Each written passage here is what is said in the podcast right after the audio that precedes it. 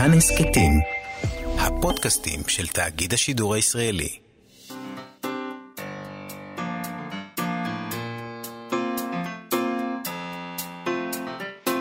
מה שכרוך עם יובל אביבי ומה יעשה לה. שלום, צהריים טובים, אנחנו מה שכרוך, מגזין הספרות היומי בכאן תרבות, מאיה סלע, יובל אביבי, 104.9 או 105.3 FM, איתנו באולפן אלעד זוהר ואיתי סופרין שעושים איתנו את התוכנית, וכמובן יובל אביבי, שלום לך יובל. שלום, מאיה סלע. אה, אורח מפתיע חדר לשיח הפוליטי בישראל בשבועות אה, האחרונים. אנחנו הישראלים אני חושב שכולם בעצם, כולם, כל, בני האדם מתלוננים הרבה על הרמה הנמוכה של השיח הציבורי.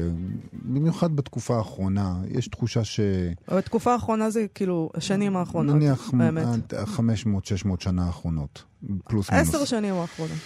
ואנחנו אומרים, כאילו, מה זה השיח הזה המאוד מאוד נמוך ורדוד? והנה, לאחרונה, שוב ושוב עולה שמו של הוגה אה, איטלקי, אנטוניו גרמשי, בעיקר דיון במושג ההגמוניה אה, שעולה בתורתו. זה בעברית יצא אה, מבחר מתוך מחברות הכלא שלו, הספר שלו נקרא מחברות הכלא. בעברית אה, הוציאו ברסלינג אה, מבחר מתוך זה שנקרא על ההגמוניה. אה, מי שנאחז בהגות הזאת על ההגמוניה הוא לא אחר מאשר דוקטור אבישי בן חיים, דובר ישראל השנייה מטעם עצמו, וכבר לא, הוא כבר מטעם אה, חלקים נרחבים אה, מהציבור מתייחסים אליו כדובר. הוא מדבר על גרמשי כמבשרה של ההגמוניה של ישראל הראשונה, שלא משחררת את העם מהגמוניותה. חרף אה, רצונו של העם להשתחרר, כפי שהוא מבטא אותו בקלפי, ככה פחות או יותר אם נסכם את זה. אמ, אנחנו נדבר היום עם פרופסור דני פילק, שכתב ספר על פופוליזם והגמוניה בישראל. גם הוא יצא בהוצאת רסלינג. זה מדהים שכאילו, זה, שני ספרים מרסלינג ככה חדרו לתוך ה... לתוך ההגמוניה. לתוך ההגמוניה, בדיוק. אה, אז הפופוליזם והגמוניה, שני קצוות לפי דעתי שאפשר למצוא גם בסיפור הזה. אנחנו נדבר גם עם יהודה ויזן, שספרו מבחר שירים 2005 עד 2020 יצא לאחרונה בהוצאת כרמל, ובו הוא טועה, בין השאר, באחד השירים שם, שהם דווקא מהשירים היותר מוקדמים, אה, האם יקראו על שמו כיכר או גן ילדים? גן ילדים יהודה ויזן. זה נשמע לי טוב דווקא. אני אשאל אותו אם הוא חושב שזה באמת יקרה או שזה רק, אה, רק בשיר. Uh, נדבר uh, קודם כל על רשימות, לא מעט רשימות התפרסמו לאחרונה, uh, ונדבר היום בקצרה על כמה מהן, רשימת ספרים מומלצים של אלנה פרנטה, רשימת המילים המועמדות למילת השנה של אוקספורד, רשימת הספרים של 2020 של הניו יורק טיימס, ורשימת הספרים לצפות להם ב-2021 של uh, uh, המגזין מארי קלר. כולם עושים רשימות, uh, שזה כמובן סימן לכך שהשנה נגמרת, תודה לאל. נכון. כי זו באמת לא הייתה אחת השנים המוצלחות. אני לא יודע, אה, לא בטוח שהשנה הבאה תהיה יותר מוצלחת. זאת, זאת בדיוק הבעיה עכשיו. אה, זאת נגמרת ואחת כמוה מתחילה. אה, אבל אנחנו נתחיל לא עם השנה הבאה, אלא עם הניו יורק טיימס. בניו יורק טיימס טרחו ואספו את מה שהם מגדירים כמאה הספרים הבולטים של 2020 לדעתם. אני מוכרח להודות שאת רוב הספרים שם אני לא מכיר. אה, זה עניין עצוב בעצם, אה, אולי זה עצוב לגביי, אבל אולי זה עצוב לגבי אה, עולם הספרות הישראלי, שמתקיים כאילו במקביל לזה האמריקני. למרות שאולי, נגיד, בעוד כמה שנים כן נכיר יותר, כי כבר הצליחו לתרגם. למה זה עצוב אבל? גם הם לא מכירים את מה שקורה פה. למה זה יותר עצוב שאנחנו לא מכירים את מה שקורה שם? כאילו אמריקה זה משהו לתלות בו עיניים, הספרות האמריקאית. היא עוד ספרות. עוד ספרות. אמ, יש שם אה, את הספר של קוצי, מותו של ישו, האחרון בטרילוגיית ישו שלו, את הספר השלישי בטרילוגיית וולף הול. של uh, הילרי מנטל על הנרי השמיני, The Mirror and the Light, את הספר Minor Detail של עדניה שיבלי על אונס ורצח של נערה פלסטינית ב-1949 וחקירה של הדבר הזה בימינו. אנחנו דיברנו פה על הספר כן. הזה עם אלעד ברנועי. נכון. Uh, הוא היה מועמד לפרס הספר הבינלאומי. Uh, יש שם גם קובץ מאמרים של עמנואל קרר. שנקרא 97,196 מילים, וגם את הזוכה הטרי בפרס הספר הלאומי האמריקאי בקטגוריית העיון, uh, The Dead are Rising, The Life of Malcolm X. כן, uh, החיים של מלקום אקס, גם הממואר של ברק אובמה, הארץ המובטחת נמצא שם, וגם הזוכה... אה, בפרס הבוקר, שגי ביין של דאגלס סטיוארט, וספר חדש של אריק קלרסון, שכתב את השטן בעיר הלבנה. אה, ויש שם שניים שאנחנו דווקא כן מכירים. אחד, מפלצת הזיכרון של ישי שריד, שיצא אצלנו בהוצאת עם עובד, הוא מתואר שם כך: ספר מבריק וקצר זה משמש תזכורת אמיצה וחדת שיניים נגד השתלטות העבר על ההווה. שריד מספר על מדריך סיורים במחנות המוות הנאצים, שהופך אובססיבי לגבי המכניזם של ההשמדה.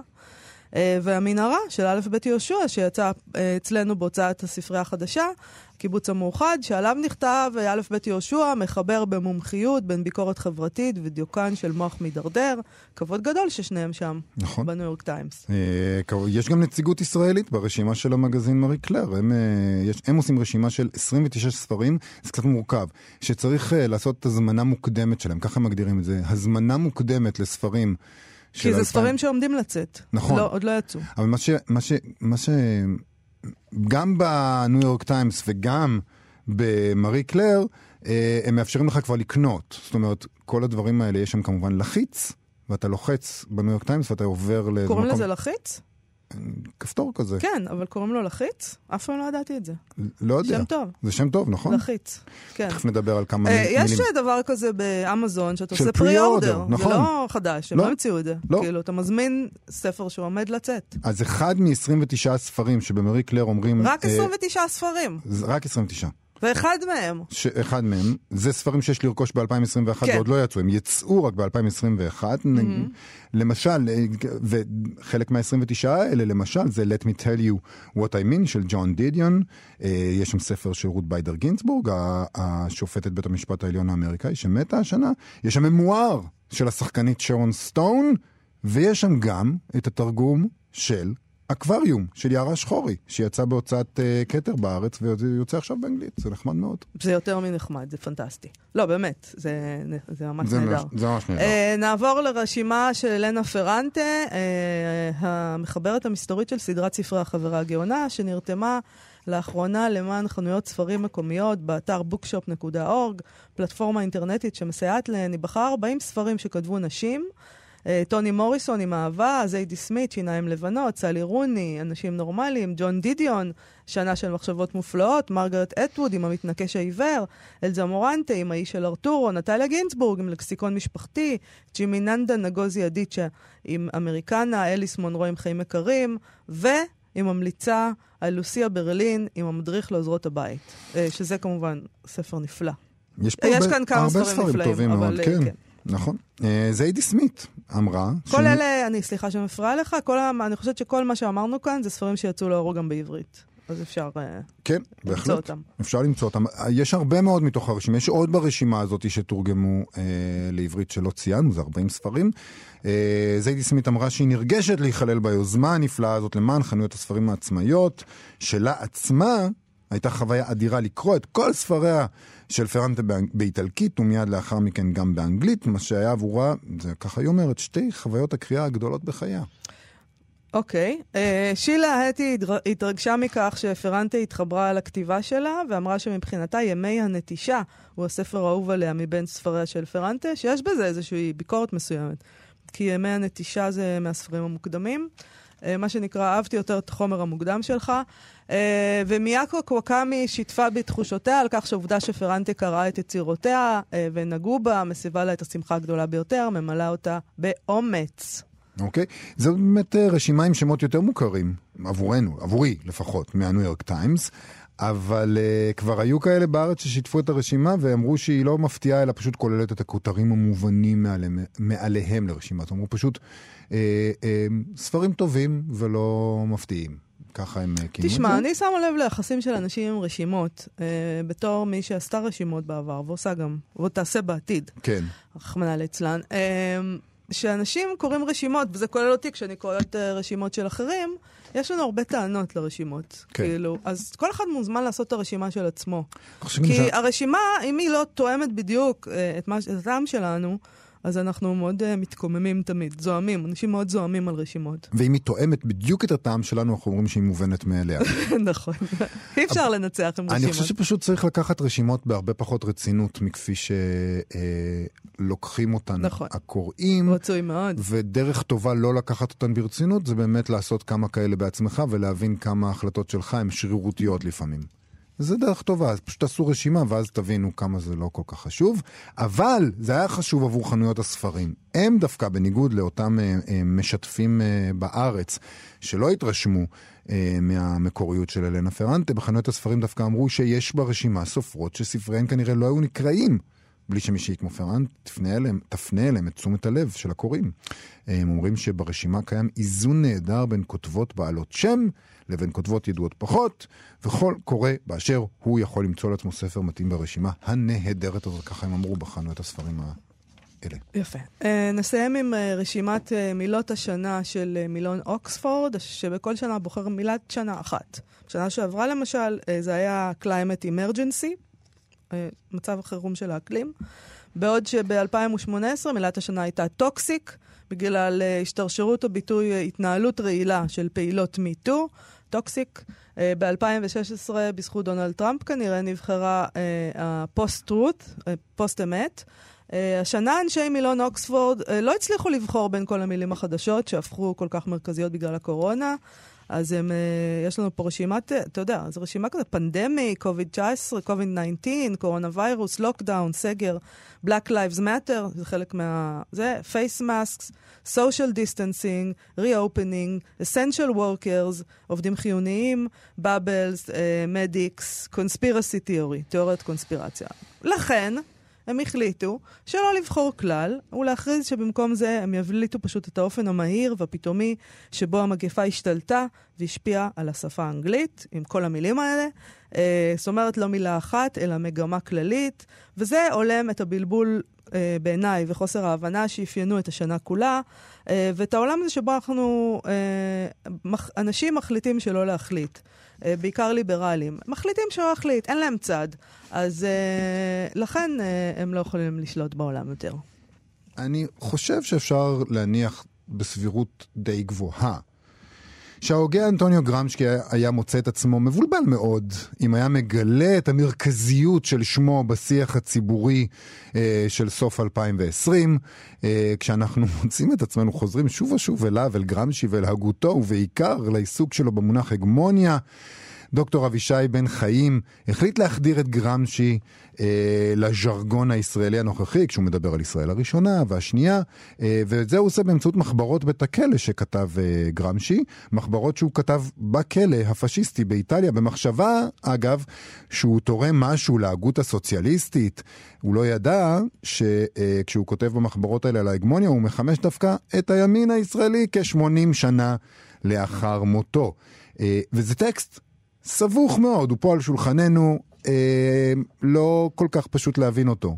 זה שהוא הופך להיות מין טקסט כזה שמשתמשים בו במהדורות החדשות, זה לא טריוויאלי, ואנחנו אה, רוצים להבין האם אה, אבישי בן חיים עושה בו שימוש מושכל.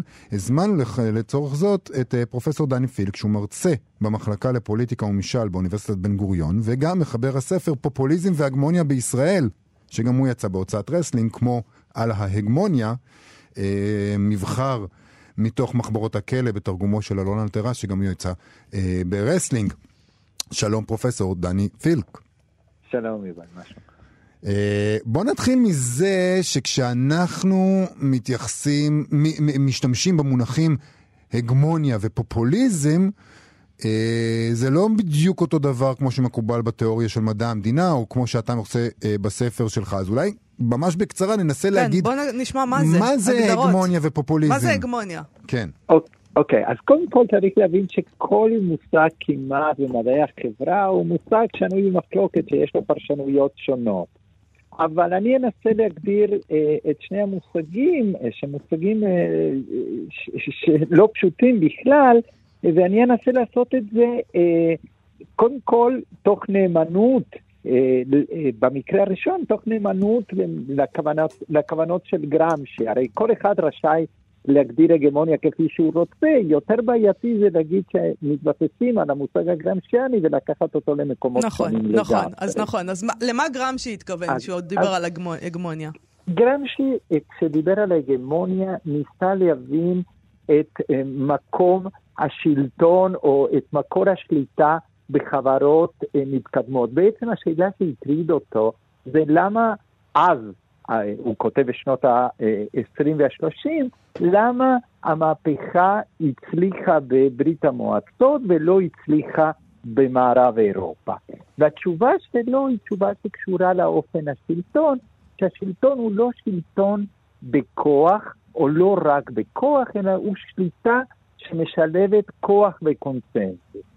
וקונצנזוס זה אומר שבעצם המבנה החברתי, הפרויקט של חברה, המודל של חברה, הוא נשען על ידי תמיכה של קבוצת ליבה שהאינטרסים שלה באים לידי ביטוי באופן מלא, באותה צורה של ארגון של החברה, וכל מיני קבוצות משניות שהן לא עוברות מניפולציה, זה לא שתומכות בפרויקט הזה בגלל שמישהו אה, שטף להם את המוח, אלא בגלל שאפילו באופן חלקי האינטרסים שלהם, של אותן הקבוצות, גם באים לידי ביטוי ב, אה, ב, בצורת חלוקת המשאבים, בצורת אז ר- חלוקת ר- הכוח רק כדי של אותו לתרגם את פרויקט. זה לישראל 2020, קבוצת הליבה לפי גרמשי, אם אנחנו הולכים בקו של אבישי בן חיים, היא אותן אה, משפחות אשכנזיות מבוססות שהגיעו לכאן אה, מתחילת אה, ימי העליות הראשונות ועד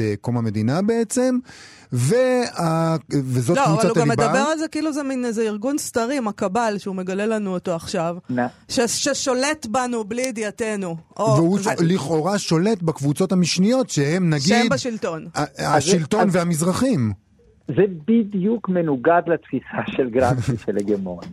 כי בתפיסה של גרמסקי של הגמוניה יש כבוד מאוד גדול לתודעה של הקבוצות שגרמסקי קורא קבוצות מוכפפות. אה, אה, הם לא איזה פיון בידיים של קבל, הם חלק פעיל בעיצוב של אותו אה, בלוק, של אותו בלוק היסטורי. אז, במ... אז, אז לכן הפרשנות הזאת שהופכת את כולם למין בובות של איזה מין מפעיל על, היא פרשנות מנוגדת לחלוטין לתפיסה של גרמשי, והיא גם, אני חושב, תפיסה מאוד מאוד לא נכונה ומאוד אנטי-דמוקרטית של הפוליטיקה. כי מה שאתה אומר בעצם, ו- ולפי מה שאני מבין ממך, גרמשי מאוד מאוד תמך באפשרות, מה זה תמך? הוא חשב שלציבור יש אפשרות להתקומם. זאת אומרת, לגמרי. ש- ש- בעצם לפי ה... מה- למה זה אנטי דמוקרטי לפי מה שאתה אומר? כי, כי לפי הפרשנות של אה, דוקטור אבישי בן חיים, בעצם הציבור עושים עליו מניפולציה והוא לא, יכול, לא יודע שהוא נמצא בתוך רשת הכוח ההגמונית, ולכן הוא לא יכול להילחם, בעוד שגרמשי אומר לא, אנחנו יכולים להילחם בתור הציבור המוכפף. בדיוק. מה שגרמשי אומר זה שבעצם אה, מצב הגמוני הופך את המצב ל-common sense, כן? למשהו שמובן מאליו, וכל אלטרנטיבה אחרת לנונסנס. עכשיו, מה, ש, מה, מה שגרמשי אומר זה שה-common sense הוא שדה למאבק, הוא לא משהו שמוכרע, הוא לא משהו שנקבע מראש. אפילו יש לו אמירה מאוד יפה, כי הוא, אה, אה, הרי הוא נותן אה, מקום מאוד מרכזי לפעולה האינטלקטואלית, לפעולה התרבותית, אבל הוא אומר, כל בן אדם בחברה הוא אינטלקטואל. זה לא רק שאינטלקטואלים זה קבוצה של אנשים באקדמיה או, ב, אה, או, או, או בספרות, או, כל, לכל אחד היכולת להיות אינטלקטואל, בחברות מסוימות לא כל אחד ממלא את התפקיד של האינטלקטואל, אבל הפוטנציאל קיים, ועצם קיומו של הפוטנציאל הופך את המצב למצב שאפשר לשנות אותו. ו- וזה תפיסה מאוד דמוקרטית של הערכה מאוד מאוד גדולה, ל, אם אתם רוצים, לאדם הפשוט, וזה קשור לדעתי גם למקורות של גרמשי. גרמשי אה, נולד וגדל למשפחה ממעמד בינוני נמוך אה, באי אה, שהיא בשוליים של החברה האיטלקית בדרום הלא מפותח, ולכן התפיסה שלו הייתה תפיסה שביסודה התנגדה לה, לאמונה שיש איזו אליטה שהיא זאת היחידה שיכולה להיות בעלת אה, כוח פוליטי. אז, אז מה שאתה אומר זה שבעצם, אה, אבי, אני, אני רוצה לדבר על העניין הזה של מודעות, כי אבישי בן חיים בעצם מצד אחד מזלזל, לפי דבריך, ב, ב, ב, ב, ב, זה הגיוני גם, הוא מזלזל ב, במעמדות הנמוכים, או מזלזל ב, בליכודניקים ובמזרחים, כי הוא אומר, שולטים בכם, ואתם אפילו לא יודעים את זה, אבל גם הוא אומר שאין להגמוניה מודעות, כי ההגמוניה לא מודעת להגמוניותה. אז okay. אוקיי. גם ההגמוניה לא יודעת שהיא הגמוניה. אבל גם זה אה, פירוש מאוד לא נכון של המושג הגמוניה. הגמוניה לא סובייקט שיכול להיות מודע או לא מודע. ההגמוניה הוא פרויקט, הוא מצב, של, הוא מודל של ארגון החברה, הוא התהליך שמוביל לעיצוב המצב הזה סביב אינטרסים מסוימים, אבל היא לא סובייקט. הסובייקטים הם אנשים. המונח שמשתמש גרמסי כדי לדבר על סובייקט זה בלוק היסטורי. בלוק היסטורי זה חיבור בין קבוצות חברתיות שונות, שבבלוק ההיסטורי, כמו שאמרתי קודם, יש ליבה שהיא הקבוצה שהאינטרסים שלה באים לידי ביטוי בצורה המובהקת ביותר במודל ההגמוני, וקבוצות משניות. אבל האנשים הם סובייקטים, ההגמוניה לא, כאילו בכלל אתה אומר להתייחס להגמוניה כקבוצת אנשים, זה כבר מנוגד לגרמשי. אה, אתה צריך אה, להגיד שיש פה תהליך שעושה קבוצת אנשים, שהיא נגיד קבוצת הליבה של התהליך ההגמוני, אם אני נכון. מבין בערך את מה שאתה אומר. נכון. הקבוצה של אנשים זה לא ההגמוניה, אלא הבלוק ההיסטורי שמקדם פרויקט הגמוני. אבל הכי מנוגד זה האנשה של ההגמוניה. ההגמוניה רוצה, ההגמוניה מודעת. זה קצת אה, מזכיר איך אה, שמרקס צחק על, ה, על, על חלק מהכלכלנים כשהוא אמר, מדברים על גברת אדמה ואדון קפיטל, כאילו שהאדמה וההון הם אנשים בעלי רצונות.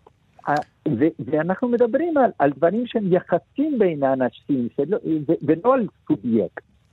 אני חייב להגיד, אני רוצה לדבר, תשמעי, תשמע, דוקטור אה, אבישי אה, בן חיים ללא ספק אה, משכיל יותר ממני וכנראה יודע להבין טקסטים יותר טוב ממני. לי היה מאוד לא, קשה... אני, לי יש ספק, אבל בסדר. בסדר. אני, אני רוצה לדבר, אבל... אה, לזכות אנשים שמתקשים להתמודד עם הטקסט הזה, כיוון שזה טקסט מאוד מאוד קשה לקריאה כשלעצמו. על אחת כמה וכמה, אני לא קורא אה, איטלקית לצערי, אבל אה, אז על אחת כמה וכמה כשאנחנו קוראים את התרגום העברי, לא בגלל שהתרגום לא טוב, אלא בגלל שהוא מאוד מאוד פרגמנטרי לפעמים. יש פה קטעים מאוד קצרים. שאתה אומר לעצמך, אוקיי, אה, אני חושב שהבנתי את כל המילים, אבל אני לא מבין איך הכל מתחבר לכדי הגות. ולכן הקורא הישראלי אולי, שהיום רץ לקרוא את גרמשי בעקבות הדיון אה, בהגמוניה, והוא רואה את עצמו כאחת מ... כבין אחת הקבוצות המוכפפות, עשוי בעצמו לשאול מה, מה קורה פה. פרופסור פילק, אתה חושב שהקורא הישראלי רץ לקרוא את גרמשי עכשיו? האמת שאני לא יודע. לצערי הרב, אה, זה, זה לא כולם, ואתם צודקים. אה, התרגום העברי, ובכל זאת יפה מאוד שהיה בכלל ניסיון לתרגם, אבל הוא תרגום מאוד פרגמנטרי, של טקסט שכבר ככה נכתב בצורה פרגמנטרית, כן? זה לא משנה סדורה, ולכן יש איזה חוקר בשם פרי אנדרסון, שחיבר בזמנו ספר שקוראים לו הסתירות בגרמשי, כי, כי כשאתה קורא אה, טקסט אחרי טקסט, אתה רואה שלפעמים יש שימוש לא עקבי של מושגים, ולכן אין ברירה, אלא אני לא חושב שצריך לעשות אה, אה, מין אה, פרשנות טקסטואלית כמו טקסט קדוש. מה שצריך לעשות עם גרמשי זה אה, לקחת, לנסות להבין ולקחת את הדברים שיכולים לתרום אה, לנו להבין את המציאות אה, שלנו בצורה יותר טובה. אני חושב שלעשות האנשה של הגמוניה ולהתייחס להגמוניה כצורת על של מניפולציה לא עוזרת להבין יותר טוב את ה, איך החברה שלנו פועלת, את יחסי הכוחות, איך אפשר לשנות את החברה. אני חושב שבעצם, ולכן השאלה היא פחות אה, מה גרמשי אמר באמת, ויותר איך מה שהוא כתב רלוונטי לנו כדי להבין את החברה. אני חושב שיש בו המון המון דברים שרלוונטיים לנו להבין את החברה, אבל לא אם אנחנו מבינים הגמוניה כצורה אה, מושלמת של מניפולציית המונים. אז, וזה מוביל אותנו למוס, למושג הבא שאנחנו רוצים לדבר עליו בזמן שנותר לנו, פופוליזם. אה, כן, אז תראה, שוב, אה, פופוליזם זה מושג שבשיח הציבורי זה מין שווה ערך למחנה המשותף הנמוך ביותר. כן? נכון. רוב הפופוליזם זה משהו שמישהו לא אומר על עצמו, אלא אף, כמעט אף מנהיג פוליטי לא יגיד על עצמו, אני מנהיג פוליט, פוליטי פופוליסט, זה בדרך כלל משהו שמטיחים כנגדו או כנגדה. אה, ו, ו, ו, ושוב, זה לא שימוש שעוזר לנו אה, יותר מדי, כאילו, איך לגנות את היריב הפוליטי, יש צורות רבות, אבל זה לא עוזר לנו להבין. אה, מתי פופוליזם כן עוזר לנו להבין? אם אנחנו מבינים פופוליזם כתפיסה שונה של דמוקרטיה, או נגיד ככה, כתפיסה של דמוקרטיה שמאתגרת את התפיסה הליברלית של דמוקרטיה. והיא מאתגרת את התפיסה הליברלית של דמוקרטיה בשתי דרכים מרכזיות. אחת, כי אה, הפופוליסטים רואים את החברה לא כחברה פלורלית, אלא כחברה שבעיקר מחולקת בין שני כתבים, העם והאליטות, כששני הכתבים האלה גם העם הוא הצד הטוב של, ההנגדה והאליטות הצד הרע. והדבר השני, שפופוליזם מבין דמוקרטיה בעיקר כביטוי של רצון העם. זאת אומרת, במובן הזה אפשר להגיד שפופוליזם מבין דמוקרטיה במובן המילולי של המילה, דמוס וקרטוס, כן, שלטון העם, כן. ונותן פחות משמעות למרכיבים שבדמוקרטיה הליברלית הם אה, חשובים, כמו זכויות הפרט או הפרדת אה, רשויות.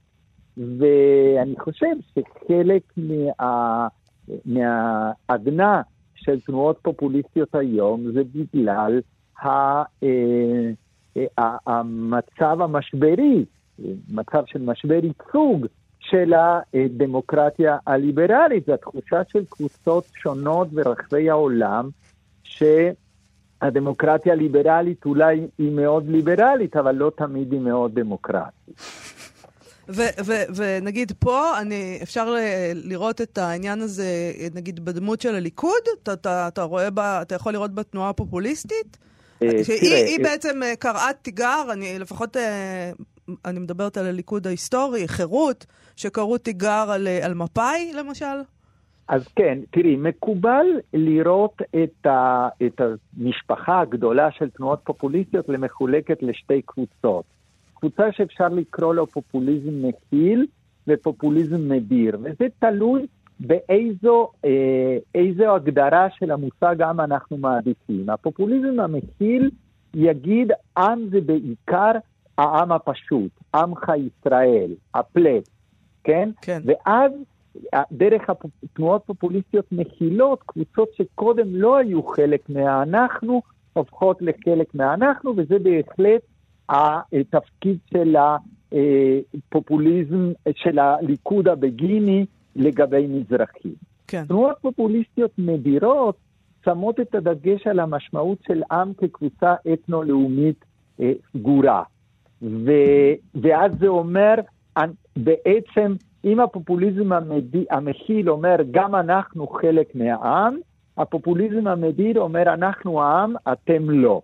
מהגרים הם לא חלק מהעם, קבוצות מיעוט הם לא חלק מהעם, ומה שאני חושב זה שבעצם בעשור האחרון, תחת הנהגתו של בנימין נתניהו, הליכוד הפך בעיקר לתנועה פופוליסטית מדירה, ולא לתנועה פופוליסטית מכילה, כשההנגדה העיקרית היא בין אה, יהודים ולא יהודים, וככה אמירות כמו ערבים נוהרים אה, לקלפיות, או האמירה המפורסמת של מירי רגב על על מבקשי המקלט כסרטן בגוף המדינה, אלה ביטויים שהרבה יותר דומים לתפיסות של מפלגות הימין הפופוליסטי באירופה, שהן מקובל לקטלג אותן כתנועות פופוליסטיות מדירות. פרופסור דני פילק, אני למדנו היום כמה דברים, איך להשתמש במילים.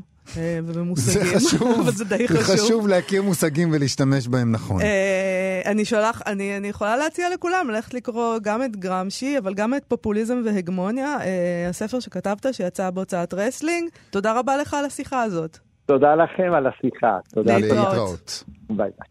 בספר השירים, מבחר שירים, 2005, 2020, של יהודה ויזן, שיצא לאחרונה בהוצאת כרמל, יש חלק שנקרא אהרון שבתאי מסה. זה לא מסע, זה שיר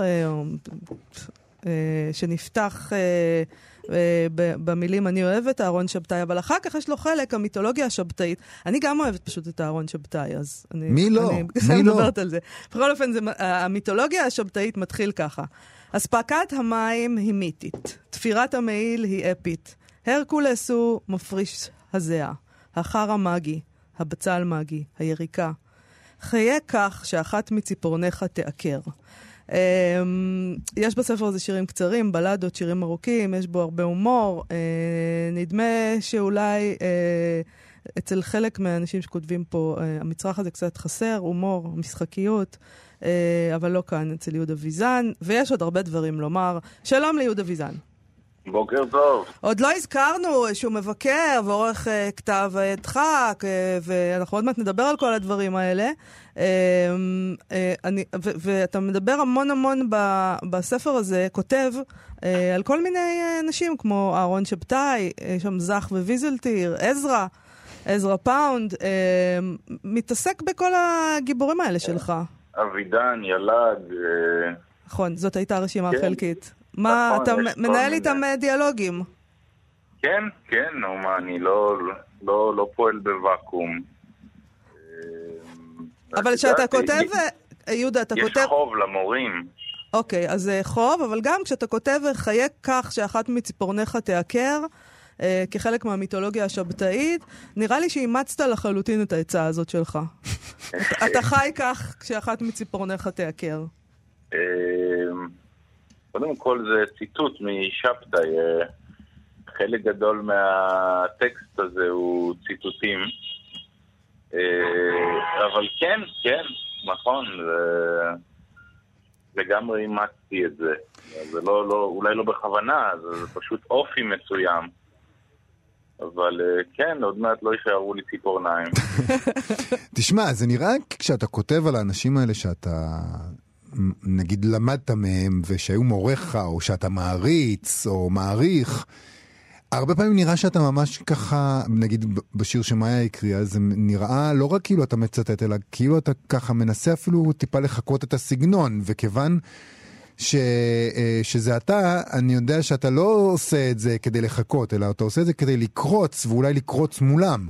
לא, הוא גם סונט בהם קצת. בדיוק.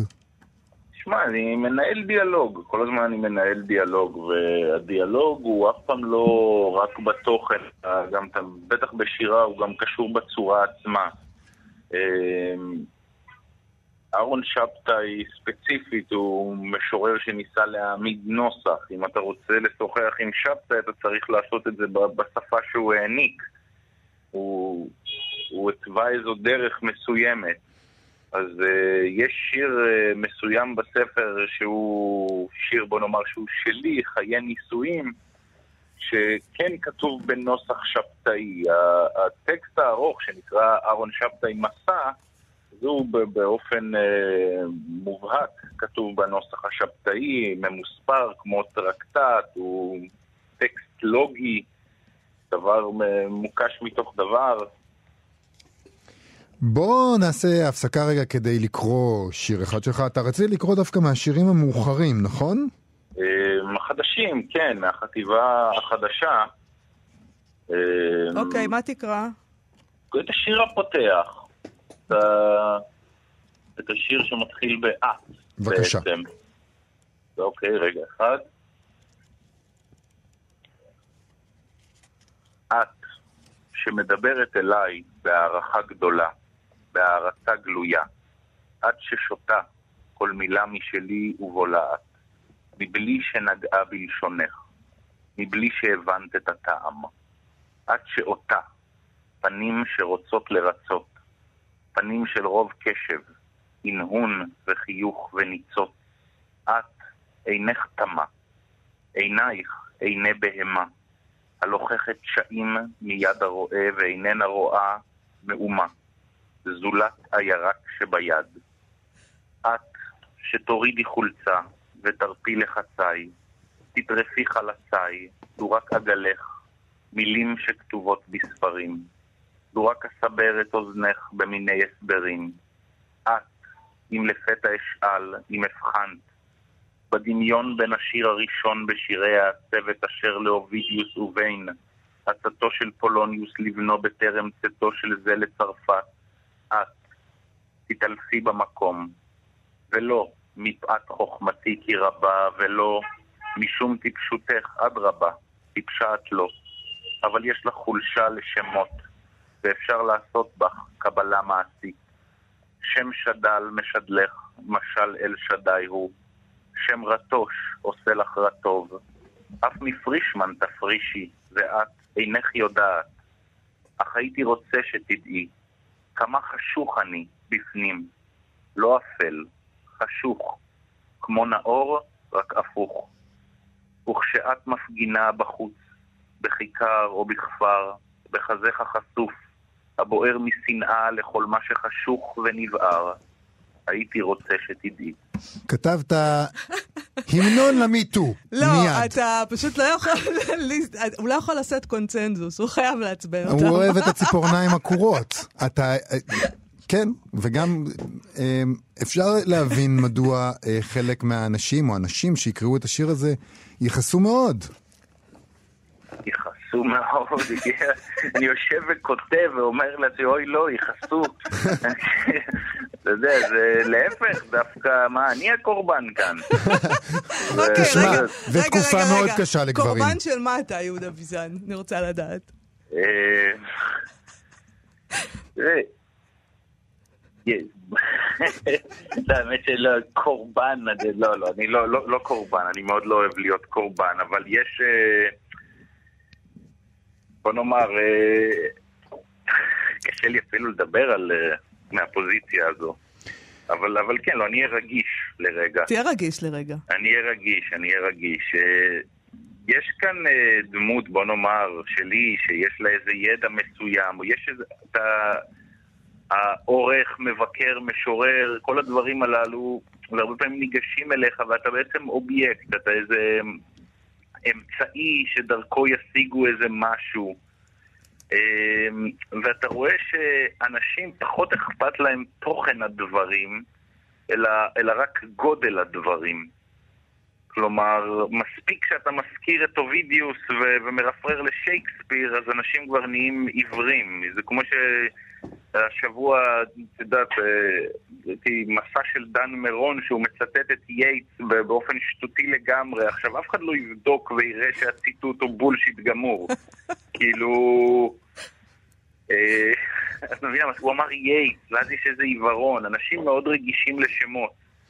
אז תגיד, אתה חושב, אתה, אתה, אתה, אתה בעצם מדבר, אה, דיברת על, ה- דיברנו על הציפורניים וכולי, אתה משלם מחיר מאוד מאוד יקר על, ה, על העמדות האלה שדיברת עליהן עכשיו. על ועל הביקורות שלך. על העמדות שלך כמבקר, כעורך וכמשורר מאוד מאוד כן. ספציפי. כשאתה כותב שיר כמו שכתבת, כשאתה כותב את הביקורות, כשאתה עורך כפי שאתה עורך, כשאתה מזכיר את הביקורת הזאת של אה, אה, מאון, אתה כן. בעצם, אתה, אתה, אתה, אתה תמיד מוצא איכשהו דרך אה, להניף איזה דגל שכולם רוצים לשרוף.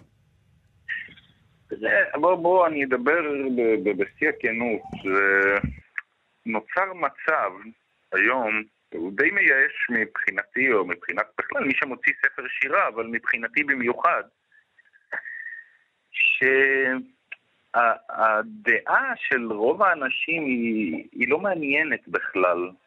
כאילו, אתה יודע, זה, אין שום, אין לי שום עניין ממשי בדעות של... אני יכול לציין שמות זה של, של המון מבקרים ואנשים שעובדים היום שכבר שחקו, שחקו כל כך את שמם ואת המוניטין שלהם בשטויות שהם כתבו, ש- שזה לא משנה בכלל. כלומר, זה לא מחיר ממשי, זה... אולי המחיר היחידי זה הייאוש, אבל לא באמת אכפת לי מה XY חושבים, זה לא... אין להם מושג. אבל עדיין, אתה צריך, אה, אני מניחה שאתה רוצה שיהיו לך קוראים, ויש איזו התנגדות אני- מאוד רצינית אליך. אמ, לא יודע, אני מתחיל יותר לחש- לחשוב יותר ויותר שקוראים זה מיתוס. Mm, כאילו, אין באמת קוראים, אף אחד לא קורא, יש... כאילו, אני כל יום אני יורד למטה ואני מוצא בתיבת הדואר שלושה ארבעה ספרי שירה. אמ, שאני קורא אותם, ברור לי שהאנשים הללו לא קראו ספרי שירה אחרים שהם לא כתבו. אז זה, את יודעת, מספיק לי פה ושם קוראים שאני מעריך, ו- ואומרים מילה טובה או מילה לא טובה, ולא יודע, תמיד אתה מצפה לאיזה קורא עתידי, לאיזה איזה קורא אידיאלי שיבוא או לא יבוא יום אחד, אבל אה, באמת כל העניין הזה של לרדוף אחרי הקוראים ולעשות יחצנות ו- ולפמפם את הספר בכל, גם... זה, זה, זה הדבר הראשון שאני עושה עבור הספר שלי עכשיו, חודשיים אחרי שהוא יצא, זה, זה השיחה הזו. נכון, ו-. ואני חייבת להודות שאני ביקשתי ממך להתראיין אצלנו אה, מזמן. נגיד את אתה- האמת, רדפנו אחריו. ורדפנו אחריו. רדפנו אחריו, כמו, כמו, באמת. לא קרה לנו הרבה. שיחקת אותה קשה להשגה וזה. זה לא נשמע שהיה לך דחוף, בוא נגיד. זה, לא, זה, זה עניין של מצב רוח, כן? כי עכשיו מדברים על זה שבקורונה אנשים בבית קוראים יותר, וזה כל כך לא נכון. אני, כל טיול עם הכלב, אני אוסף ספרים מהרחוב, אנשים רק זורקים קלאסיקות. אני... תשמע, ברחוב ג'ורג' אליוט מצאתי בתחילת הרחוב תרגום אחד אה, של המשפט של קפקא, ובסוף הרחוב תרגום אחר של אותו הספר. זה, זה פשוט מדהים. אני, אנחנו ו- צריכים עוד מעט לסיים, אבל אני חושב שאנחנו חייבים שתקרא לנו אה, את השיר על אנשי הספרות הזקנים, כדי לסיים את זה, את המהלך שעשית פה. אוקיי, אוקיי. אה, רגע אחד, אנשי ספרות זקנים, הוא מוקדש לנון א' ומם נון, זה בעצם, אה, אה, היום אפשר לומר, כי שניהם כבר לא איתנו, כן, זה אמנון נבות ונילי מירסקי. אוקיי. שני אנשים שהתרומה שלהם לספרות היא אדירה, ושכעורך דחק הייתי מקבל מהם מיילים ב... תפסיק לשתף את זה בדחק ותפסיק לשתף את זו בדחק. ולמה? ו- וזה הכל כי ב-1970 ומשהו נבות כתב ביקורת שלילית על תרגומי צ'כוב של נילי מירסקי, והרבה לפני שנולדתי בכלל. אז בוא נקרא, את- בוא נקרא את השיר שמוקדש להם. אוקיי. אנשי ספרות זקנים שונאים. אנשי ספרות זקנים. הרבה שנים שהם שונאים. אלו את אלו, על אי אלו. דברים שהכל שכחו מלבדם. דברים שרובם הם בודים מליבם. עוד כשהיו קטנים, אנשי ספרות קטנים, שנאו. אנשי ספרות קטנים כמותם. ויום אחד, אחרי שנים, זמנו של מי לפתע תם. או אז אנשי ספרות זקנים מקוננים על יתמותם. אך יש גם מי שמהדקים לפיתתם סביב הגופ, הגופה המלופפת, ונשארים עד סוף ההלוויה כדי ללחוש לרגבים, יא אפס. ויזן, ויזן. מבחר שירים, לשניכם. 2005 עד 2020, תודה לך שבכל זאת באת לדבר. איתנו. להתראות. תודה רבה. ביי. אנחנו אין לנו יותר זמן לשום דבר, אנחנו נכון. חייבים לסיים. אה, להיום, מחר אנחנו נשדר לקט. נכון. כרגיל בימי חמישי אנחנו נחזור אה, לשידור חי ביום ראשון. נגיד תודה לאיתי סופרין ואלעד זוהר שעשו איתנו תוכנית. נזמין אתכם לעמוד הפייסבוק שלנו, מה שכרוך עם יובל אביבי ומאי סלע, וגם לעמוד הפייסבוק של כאן תרבות. אז כאמור, מחר לקט ונשוב ביום ראשון. להתראות. סוף שבוע נעים.